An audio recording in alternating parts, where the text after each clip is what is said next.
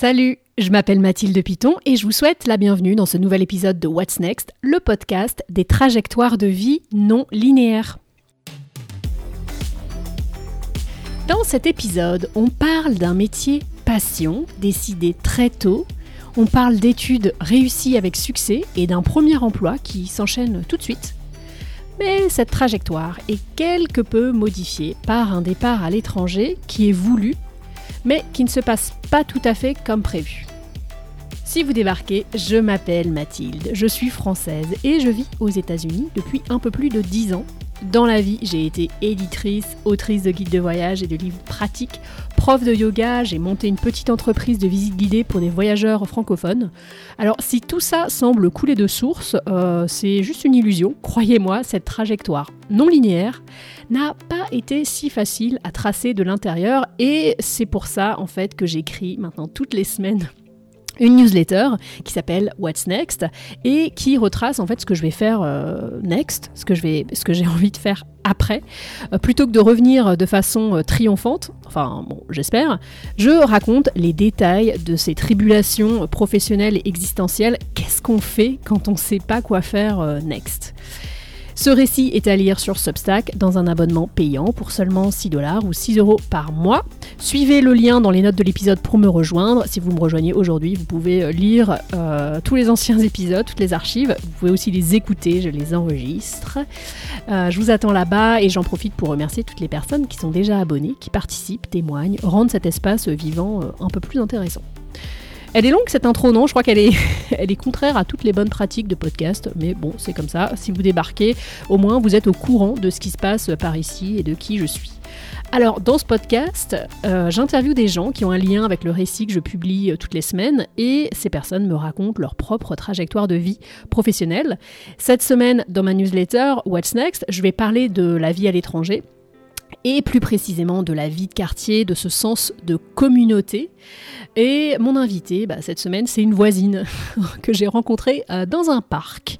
J'ai entendu qu'elle parlait français, on a discuté, on s'est revus plusieurs fois, et puis voilà, aujourd'hui je l'invite pour parler, euh, pour qu'elle me parle de son parcours professionnel. Marie est psychomotricienne, vous la connaissez peut-être sous son pseudo Instagram Psychomote USA, où elle décrypte les concepts de la psychomotricité pour les petits. Mais comment fait-on pour exercer sa profession médicale dans un pays étranger? Eh bien, c'est pas tous les jours facile. Marie va nous le raconter, c'est parti. Salut Marie, comment tu vas? Salut Mathilde, ça va bien et toi? Écoute, ça va. Euh, Marie, on s'est rencontrés il y a quelques mois seulement dans un parc de notre quartier.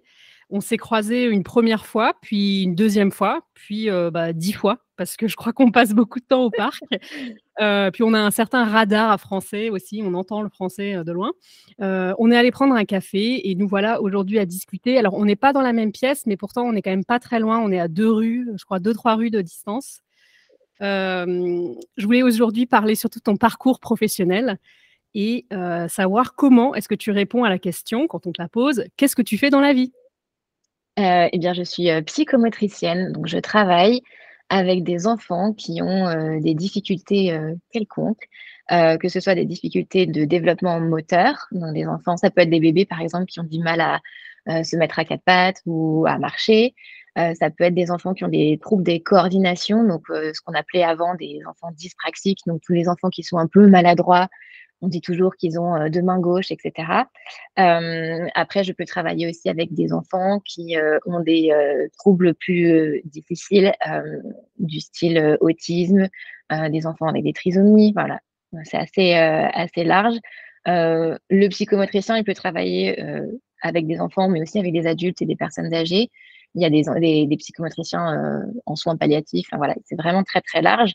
Euh, mais moi, ce que je fais, en tout cas, c'est vraiment plus bébé, enfant et quelques ados euh, de temps en temps. Euh, et quand on te pose cette question, tu réponds voilà, sans problème, je suis psychomotricienne. Ouais, pas de souci. Est-ce que c'est un métier que tu as choisi? Oui. Oui, oui. Alors, je suis tombée dessus un peu par hasard. c'est donc j'ai toujours voulu travailler avec les enfants. J'ai toujours eu un très bon contact avec les enfants. Et quand j'étais plus petite, je pense que je voulais faire pédiatre. Euh, sauf que je suis très réaliste et je sais que je n'ai pas du tout la volonté de travailler assez pour faire les études de médecine et pour réussir les concours. et en fait, un jour, en discutant, j'étais en première et j'ai discuté avec un copain qui m'a dit bah, Moi, je viens de trouver le métier de psychomotricien et ça me plaît bien. Et le soir même, en rentrant chez moi, ma maman m'a dit Écoute, je viens de tomber sur le métier de psychomotricien et je trouve que ça correspond vachement. Et je me suis dit Bon, attends, c'est quand même une, une sacrée coïncidence que deux personnes m'en parlent dans la même journée. Et donc, du coup, je suis allée voir un petit peu ce que ça donnait et ça me plaisait beaucoup dans, dans la théorie et dans la pratique, en fait, ça me plaît vraiment beaucoup aussi. Et donc, quand on te parle de ce métier, tu dis, euh, tu es déjà en première, donc tu es quand même déjà assez avancé dans le lycée, on va dire, bon, tu es encore très jeune. Euh, et là, tu dis, voilà, j'ai l'impression que c'est ça que j'ai envie de faire. Et du coup, tu te mets vraiment en tête de euh, poursuivre des études de psychomotricienne. Oui. Ça marche comme ça. Là, tu, tu, passes les concours. Je sais que c'est des concours, parce que je sais que c'est pas facile. J'ai entendu plusieurs fois des gens qui disent passer plusieurs années à, essayer de rentrer dans les écoles. Alors, euh, en tout cas, je ne sais pas comment c'est maintenant parce que je sais qu'il y a beaucoup de choses qui ont changé. Ça passe un peu par Parcoursup et tout ça. Donc, je ne sais pas trop comment ça se passe maintenant. En tout cas, à l'époque, c'était effectivement un concours. Euh, j'ai fait un an de prépa. Euh, je faisais une double, un double cursus, une licence de psycho et en même temps, je faisais une prépa psychomote. Et à l'issue de cette année, bah, j'ai passé les concours et j'ai eu le concours de hier les palmiers. Ça fait rêver, c'était cool. C'était une école qui ouvrait, donc je fais partie de la première promotion de cette école. Euh, et, du coup, j'ai passé trois ans d'études euh, dans le sud et c'était trop bien. Tu es originaire d'où? De la région euh, dromoise, donc au sud de Lyon. Bon, c'est déjà un peu le sud. Ouais, mais quand même. Il n'y a pas la mer. c'est quoi vraiment, désolé, c'est peut-être un peu trop précis comme question, mais c'est quoi la différence entre psychomotricien et puis kiné ou bien orthophoniste? Alors, orthophonistes, ils vont être plus sur le langage à proprement parler. Donc, euh, comment tu parles, comment tu. Euh, et puis, il, parle, il travaille également sur le langage écrit, sur tout ce qui est grammaire, etc. Euh, enfin, je crois, hein, c'est pas mon domaine, donc je fais que des, des suppositions de ce que je comprends de leur métier. les kinés, ils vont vraiment plus travailler sur la physique du corps, la mécanique du corps, tandis que nous, les psychomotriciens, on va plus chercher. Il y a un lien en fait entre le, la manière dont tu vis ton corps. Donc, en fait, c'est plus le lien euh, corps et émotion euh, qu'on vient euh, travailler. Voilà. Dans les faits les plus simples possibles, tu vois, sans me lancer dans des grandes explications. Mais tout semble rouler parce que donc tu découvres ce métier, tu fais ces études après une année de prépa et tu deviens psychomotricienne à la sortie de tes études? Oui, oui, oui. Donc j'ai mon diplôme en juin 2014 et ensuite, eh ben, commence le grand chantier de trouver un travail. Et euh, il se trouve que j'ai déjà rencontré euh, Henri, mon mari, enfin, qui n'est pas mon mari à l'époque, puisque j'ai 20 ans. Euh, et lui, il est en train de finir ses études à Paris. Et donc, du coup, ça fait trois ans qu'on vit une relation à distance. Et donc, j'ai envie de soit un peu plus ensemble. Et donc, je me lance dans la recherche de travail à Paris, ce qui est difficile parce que je viens d'une école, déjà une école du Sud, une école qui n'a pas fait ses preuves du tout, parce que je suis la première promo. Donc, pour trouver euh, un, centre ou une, euh, une pratique qui, me, qui, soit OK pour me prendre, c'est un peu difficile, surtout qu'à Paris, tout se fait par réseau. Moi, j'ai aucun réseau euh, sur Paris. Et donc, en fait, j'arrive à trouver un travail dans une crèche en région parisienne, une crèche qui accueille à la fois des enfants qui vont bien et des enfants qui, ont, des, qui sont porteurs de handicap. Voilà, et c'est comme ça que, que je commence mon travail de psychomotricienne. Et comment se fait-il que vous êtes parti aux États-Unis? Parce que de, ces premières années à Paris, à Boston, il y a un grand pas. Oui, et puis surtout, ça n'a pas duré très longtemps, Paris, puisque ça a été euh, à peine un an, un an et demi, on va dire. Euh, je commence euh, mon boulot en septembre 2014 et en janvier 2015, Henri revient un soir en me disant Écoute, ma boîte ouvre un bureau, ou, envie d'ouvrir un bureau aux États-Unis. Ça me dirait vraiment d'y aller. Est-ce que tu es partante? Alors au début, j'ai dit non. j'ai dit non parce que euh, je parlais pas anglais, parce que la psychomotricité, c'est un métier qui est français et donc en fait qui n'existe pas euh, aux États-Unis. Donc en fait, je me voyais pas euh, euh vivre de mon métier euh, dans un pays où en fait mon métier n'existe pas quoi. Donc c'était un petit peu difficile, surtout que je venais tout juste de démarrer mon métier que j'aime vraiment. Donc c'est un métier passion. Et donc là, en fait, on me demandait de, tout quitter pour aller dans un pays où je ne pourrais pas exercer mon métier passion et où en plus j'allais être loin de ma famille et de mes amis. Et je suis très très famille, donc c'était ouais assez difficile comme conversation. Mais qu'est-ce qui t'a convaincu finalement? Bah, je me suis dit que c'était quand même chouette pour lui, que c'était une bonne opportunité pour lui et que j'avais pas envie de l'empêcher de vivre ça et que dans 10 ans, 20 ans, on, me dise bah ouais, mais si j'étais partie aux US, on aurait pu faire ça. Enfin voilà. Et j'avais envie aussi quand même mine de rien de voir aussi ce que je pouvais faire dans un autre environnement quoi. Et quand vous êtes parti, tu avais un visa qui te permettait potentiellement de travailler? Oui, c'était la condition que j'ai un visa qui me permette de travailler. Oui. On est parti sur un visa E2 euh, pour les connaisseurs. oui, c'était la même chose pour moi. Je ne savais pas comment je pourrais transférer mes compétences euh, et mes diplômes aux États-Unis, mais je me suis dit bon allez, on tente, euh, on tente l'aventure et je ne sais pas pour combien c'était, pour combien de temps c'était prévu pour vous initialement. Mais c'est vrai qu'on a tendance à dire, surtout quand on est dans sa vingtaine, ok, j'essaye, j'essaye. Mmh. Toi, ça bah, t'a. alors, si tu veux, c'était prévu pour, on avait dit un an pour voir. En 2016. Euh, qu'est-ce que tu as fait en arrivant? Comment tu t'es senti les premiers mois en débarquant euh, vous, êtes, vous êtes arrivé tout de suite à Boston? Oui, oui. Euh, c'était Boston directement, donc on n'a pas bougé de région. ça a été très, très, très difficile pour moi. je pense que, mais même, je dirais même les deux ou trois premières années, je pense que j'ai fait une mini-dépression honnêtement, parce que j'avais absolument pas confiance en moi, je savais pas parler anglais, euh, je voyais personne d'autre que mon mari en dehors de la maison. j'avais vraiment du mal à me à me sortir moi en fait. Donc je j'allais, je faisais pas de sport. voilà, il y avait vraiment j'étais à la maison, j'attendais que mon mari rentre. c'était vraiment la déprime totale, quoi. alors j'ai commencé à travailler quand même assez rapidement, mais avec juste une petite. Donc j'avais une heure dans la semaine où je faisais quelque chose, mais sinon c'était vraiment difficile. Et puis je trouve qu'on est arrivé dans une période où ben, on était jeunes mariés et il y avait personne dans la communauté ou proche de, nous qui était au même stade de vie que nous il y avait beaucoup de jeunes étudiants qui bah, ont envie de sortir faire la fête, ou alors des gens qui étaient plus âgés que nous, qui avaient des enfants. Et du coup, en fait, on n'arrivait pas à trouver des, des, amis ou des connaissances qui soient dans les mêmes centres d'intérêt que nous. Et, euh, et, du coup, on a eu du mal à créer des, liens euh, au tout début. Quoi. Mais pour revenir, bah, je suis désolée que, que, tu sois passé par là, parce que je sais que ça peut des fois, ça peut, c'est, vrai que c'est pas facile hein, de, de, de, partir, même quand c'est voulu, en fait, quand on arrive sur mmh. place et de se, se confronter à la réalité de, bah ouais, comment ça se passe quoi. Comment tu as pu avoir quand même une cliente, une patiente, pardon, même si tu disais que tu pouvais. Enfin, comment ça s'est passé l'exercice de ta, de ta mmh. profession? Alors, euh, déjà, j'ai eu la chance parce qu'en fait, avant même de partir, je savais que j'avais quelqu'un euh, sur place parce que euh, cette petite patiente, c'était la fille d'amis d'amis de mes parents.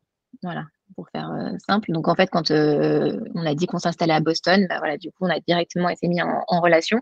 Et, et, en fait, quand je suis arrivée, donc je savais que je ne pouvais pas exercer mon métier ici, en tout, en tout, cas pas en tant que pas dans un hôpital, pas dans un centre de soins, comme j'aurais pu le faire en France, parce que bah, mon diplôme n'a aucune valeur.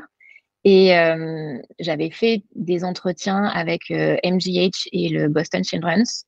Euh, C'est deux gros expliquer ce que je faisais. Ouais c'était cool que j'ai pu faire ça, surtout que je parlais pas anglais, donc un peu, euh, j'avais pu à peu près expliquer ce que je faisais et il m'avait dit, bah, c'est super, ça a l'air vachement intéressant, mais le problème c'est que euh, aux États-Unis, pour être thérapeute, il faut quatre ans d'études et les études de psychomote c'est trois ans, donc déjà c'était, euh, c'était pas possible, voilà comme ça.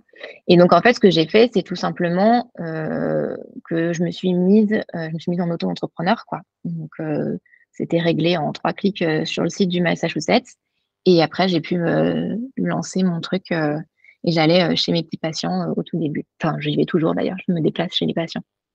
En fait, tu as recréé ton activité de psychomotricienne, mais en freelance. Ouais, ouais c'est ça. Mm. Et ça reste, enfin, j'imagine que la réponse est oui, mais ça reste légal. Quoi. Bah oui. Ah, oui. Et mmh, comment t'en es sorti Je pensais pas qu'on avait parlé de ça, mais comment t'en es sorti de cette période d'isolement en fait, de ce, de ce côté je ne rencontre pas de personnes comme moi, etc. bah, honnêtement, ça a mis vraiment du temps. Je pense que c'est venu avec les enfants. Tu vois, où j'ai vraiment réussi à rencontrer des gens et à avoir des, des amis avec du, le même centre d'intérêt. Je me suis sortie un peu avant quand même. Euh, tu vois, j'ai fait, j'ai fait de la danse, euh, j'ai travaillé aussi euh, au centre culturel français, donc je rencontrais des gens. Mais pour avoir une vie sociale, c'était plus ouais, vraiment difficile au tout début. Et puis après, ben, je sais pas, je prends, tu prends un peu plus confiance en soi, ou puis après, tu te dis un peu, ben, en fait, faut que je me bouge, quoi. Faut que, faut que je me sorte aussi un peu, quoi. Faut que je me mette un petit coup de pied, et puis, on y va. J'ai l'impression que tu as fait beaucoup de formations euh, ici aux États-Unis sur différents domaines en lien avec la psychomotricité. C'est ça.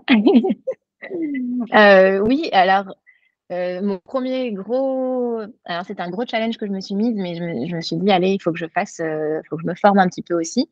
Et je suis tombée par hasard sur une formation sur l'autisme qui se trouve dans le Massachusetts et qui, qui est super intéressante.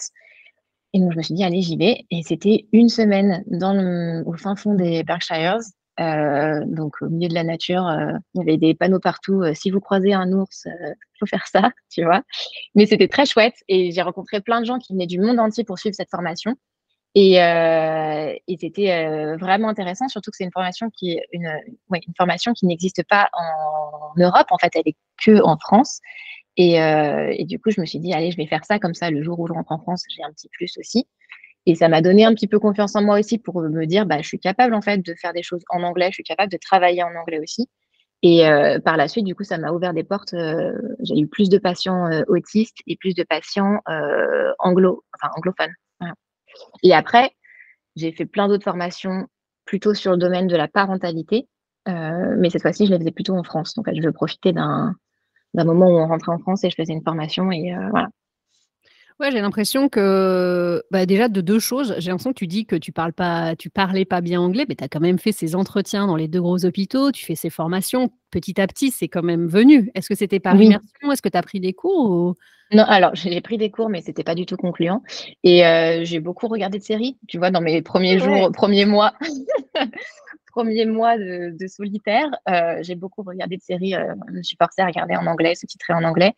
Et voilà, mais même aujourd'hui, je suis quand même pas à l'aise parce que euh, dans ma tête, tout va bien, mais si je parle, j'entends mon accent, j'entends que je fais une faute et je perds mes moyens. Quoi. Donc, c'est encore un truc sur lequel il faut vraiment que je travaille. Quoi.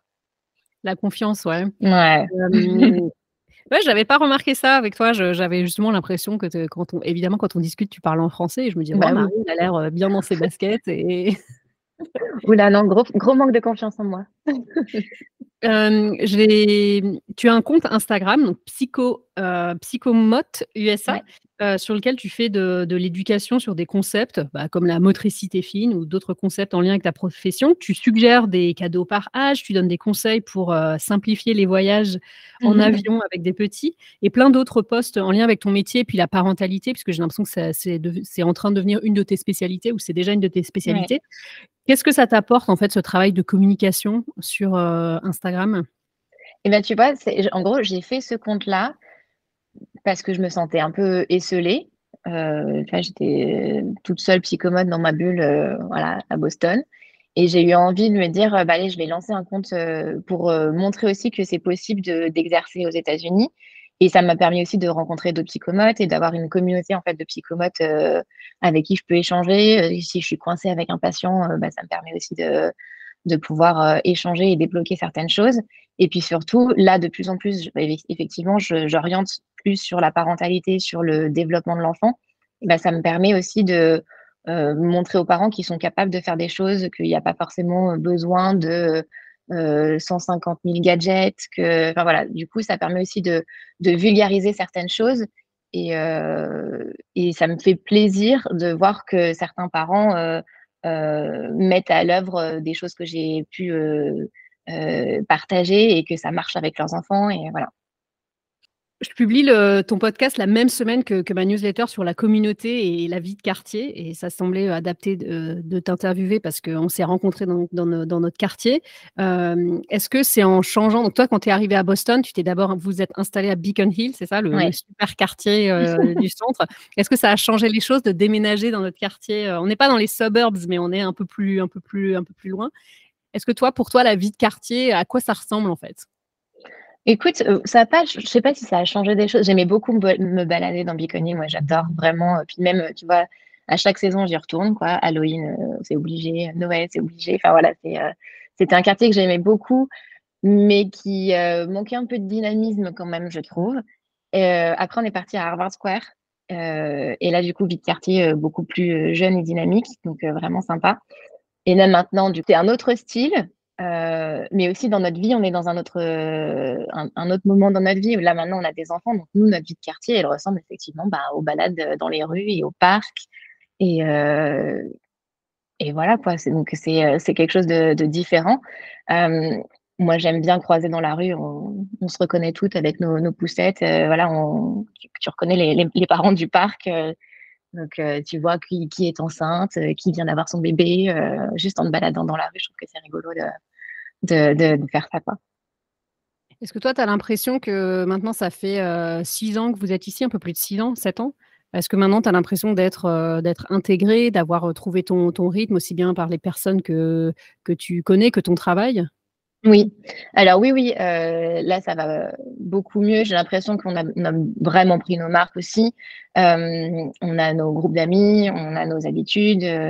Euh, tu vois, enfin voilà, on a notre petit emploi du temps, euh, la gym tel jour, euh, la piscine juste à côté. Enfin voilà, du coup, on se sent bien dans notre quartier. on est bien intégré, oui, je trouve que ça va. Bon, bien intégré avec les Français. Ouais, vous êtes... les Américains. vous, êtes resté dans, vous êtes resté à appuyer sur la, communauté française, mais il n'y a pas de mal à ça. Hein parfois, on me demande, en fait, je reçois des questions de, gens qui veulent s'installer aux États-Unis et être des Français et qui veulent rester en indépendant et, mmh, qui ont soit des professions techniques ou alors des professions créatives et qui disent mais, mais comment on fait? Et en fait, moi, je ne sais jamais comment répondre à cette question parce que je me dis, j'ai l'impression que c'est pareil qu'en France. toi, tu, tu, réponds quoi quand on te pose des questions aussi générales de que faire pour être freelance aux États-Unis quand on est français? Eh ben, moi, je me dis que euh, chaque opportunité, c'est aussi l'occasion de voir si tu peux pas faire quelque chose de différent, en fait. Euh, parce que le métier que je fais maintenant, en tout cas, ma manière d'exercer, c'est pas du tout la même que si j'étais restée en France. Il y a plein de choses que j'ai pu explorer que j'aurais jamais pu explorer en France. Euh, au tout début, quand je cherchais à remplir mon emploi du temps, et eh ben, je me suis dit, bah, c'est pas grave, je vais pas faire que des patients et des sessions de thérapie. Et j'ai proposé, tu vois, par exemple, de faire des after school, d'animer des after school euh, avec les écoles françaises. Donc, euh, je me suis dit, bah, qu'est-ce que je sais faire? Je sais faire de la danse. Donc, j'ai animé un, un, after school d'expression corporelle avec des petits, des, petits euh, de, je sais pas, 5-6 ans. j'ai un gros côté aussi d'expérience sensorielle que j'aime bien. Donc, on a fait un atelier sensoriel aussi. Donc, en fait, je pense que tu peux te réinventer et tu peux essayer de trouver une manière détournée d'exercer euh, ton métier ou de te servir de tes passions pour pouvoir euh, quand même euh, avoir une, une, activité. Quoi. ce serait en gros une liste de compétences et tu les mets, tu les transformes dans des une offre un peu différente de ce que tu imaginais. Oui, c'est ça. Mmh. Mais c'est sûr que quand on est de l'autre côté, quand on a réussi à faire ça, on se dit, ben, on voit un peu le fil de, de, comment le faire. Parfois, c'est difficile de voir comment on peut y arriver. Euh, vous avez quand même le, projet de repartir en France mm. d'ici euh, un ou deux ans? Oui, un ou deux ans.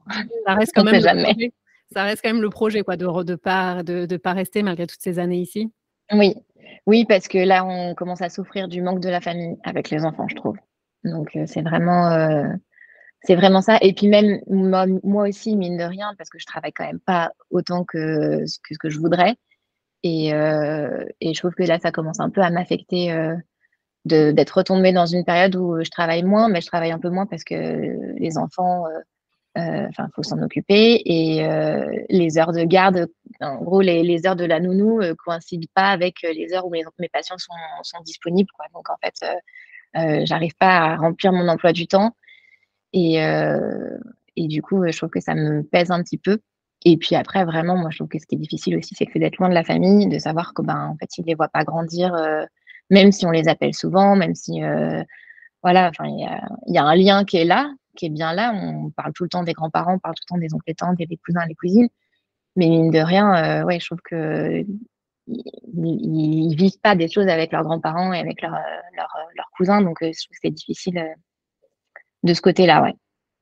Oui, vous prévoyez de vous prévoyez de rentrer. Toi, tu as mmh. pas d'appréhension sur la reprise de c'est dans longtemps, donc de reprendre ton activité là-bas? si, si, si, j'ai beaucoup d'appréhension. Si, si, parce que j'ai une certaine j'ai enfin, j'ai une certaine j'ai une énorme liberté ici de faire, ce que je veux comme je veux, de de rendre de compte à personne et en France, j'ai l'impression que ça sera un peu plus, réglementé, un peu plus, ouais, cadré donc j'aurais pas cette liberté de faire, exactement comme j'ai envie de faire.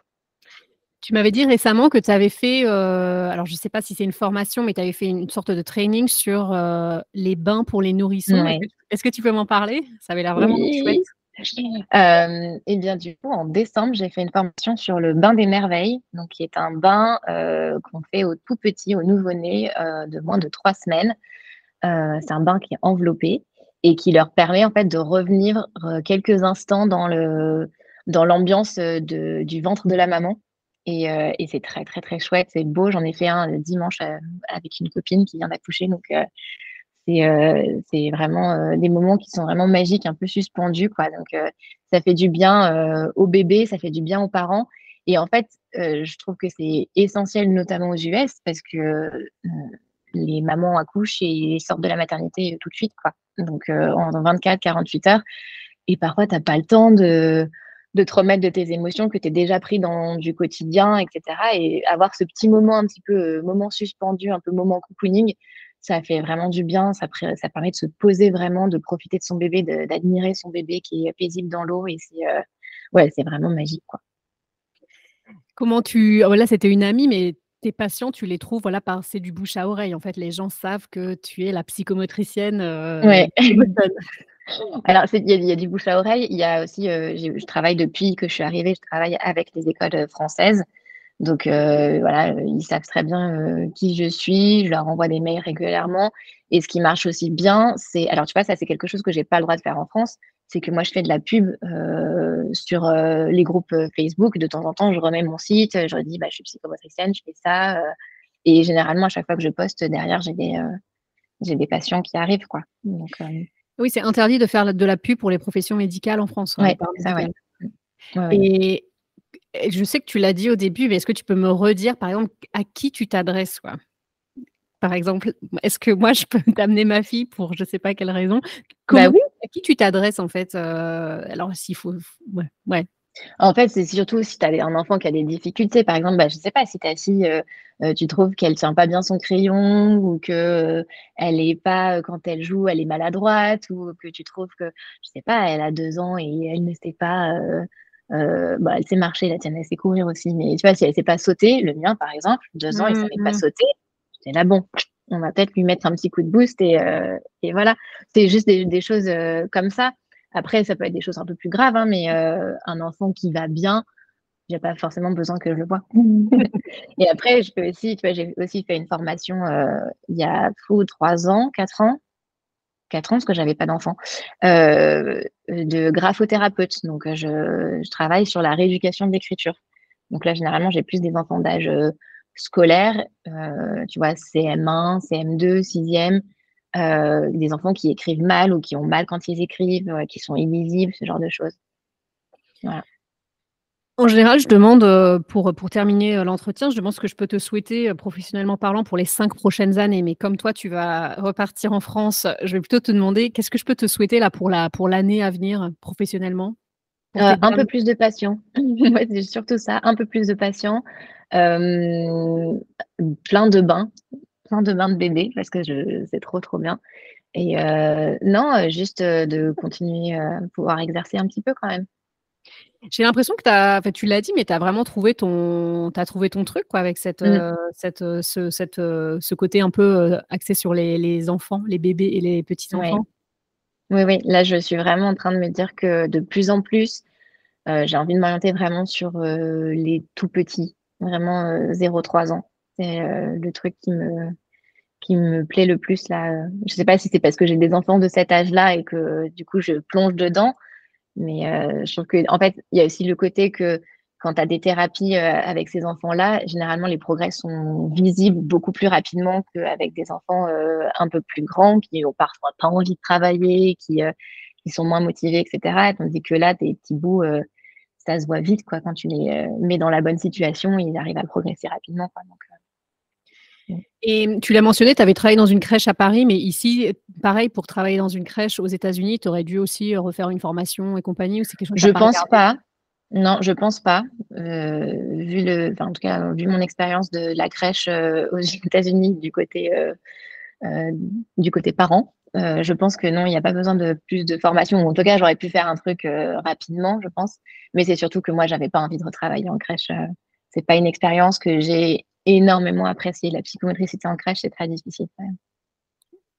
Parce qu'il y a beaucoup de. Parce que c'est dur émotionnellement Non, non, non, mais parce que tu es souvent submergé par le côté. il manque des professionnels. Donc, en fait, tu en fait, tu fais pas ton métier. C'est-à-dire que tu es souvent appelé en support sur des sections. Il y a telle personne qui n'est pas venue aujourd'hui, bah, il nous manque une personne pour s'occuper des enfants. Et donc, en fait, tu te retrouves à faire la même chose que euh, les, euh, les auxiliaires de puériculture ou tu vois donc en fait c'est pas je faisais pas mon métier euh, dans la crèche quoi. Pour terminer tu as répondu pédiatre déjà mais qu'est-ce que tu voulais faire quand tu étais petite? C'était pédiatre dès le départ? Alors c'était un métier avec les enfants mais c'était institut pédiatre ouais bah, si on passe à côté de chanteuse, ce genre de trucs. bah, J'imagine maintenant ça va être influenceuse. Mais voilà, tout à fait, oui. oui influenceuse à fond. Est-ce que j'ai oublié de te poser une question? Est-ce que tu voudrais, voudrais ajouter quelque chose sur ton métier, sur la vie à l'étranger? Non, je pense que non, non. Euh, s'il y a des personnes qui hésitent euh, à faire de la psychomote en dehors de, de la France, euh, c'est possible. Mais mais sinon, je pense qu'il faut, oui, arriver à se, à se dire que c'est possible, qu'on peut trouver des solutions, euh, quelle que soit la situation dans laquelle on est. Voilà. Sur ce message euh, optimiste, je vais te laisser. Marie, merci beaucoup pour euh, d'avoir, de m'avoir accordé du temps, temps précieux. Avec plaisir. Merci. Merci à Marie d'avoir accepté mon invitation. Si vous êtes à Boston, dans les environs, vous avez un petit enfant qui a besoin d'un coup de pouce. Euh, bah, puisqu'on peut faire de la pub pour les professions de santé aux États-Unis, j'en profite pour vous diriger vers le travail de Marie, la psychomote USA sur Instagram. Je mettrai toutes les infos dans la description de l'épisode.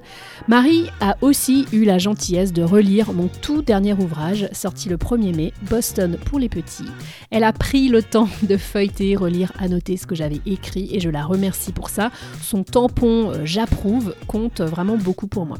Avant de partir, j'ai une petite chose à vous demander. Si vous avez aimé l'épisode, faites-le moi savoir, envoyez-moi un petit mot, commentez sous le post Instagram dédié au podcast, ou voire même laissez une revue sur Spotify ou Apple Podcast, soyons fous. Je vous donne euh, rendez-vous sur Substack pour lire la newsletter de la semaine. Merci encore aux abonnés de rendre ce travail possible et intéressant. C'est tout de même mieux quand on n'est pas tout seul, comme l'a bien euh, dit Marie. Je vous donne rendez-vous dans deux semaines pour le prochain épisode de podcast et puis toutes les semaines sur What's Next sur Substack. Bye bye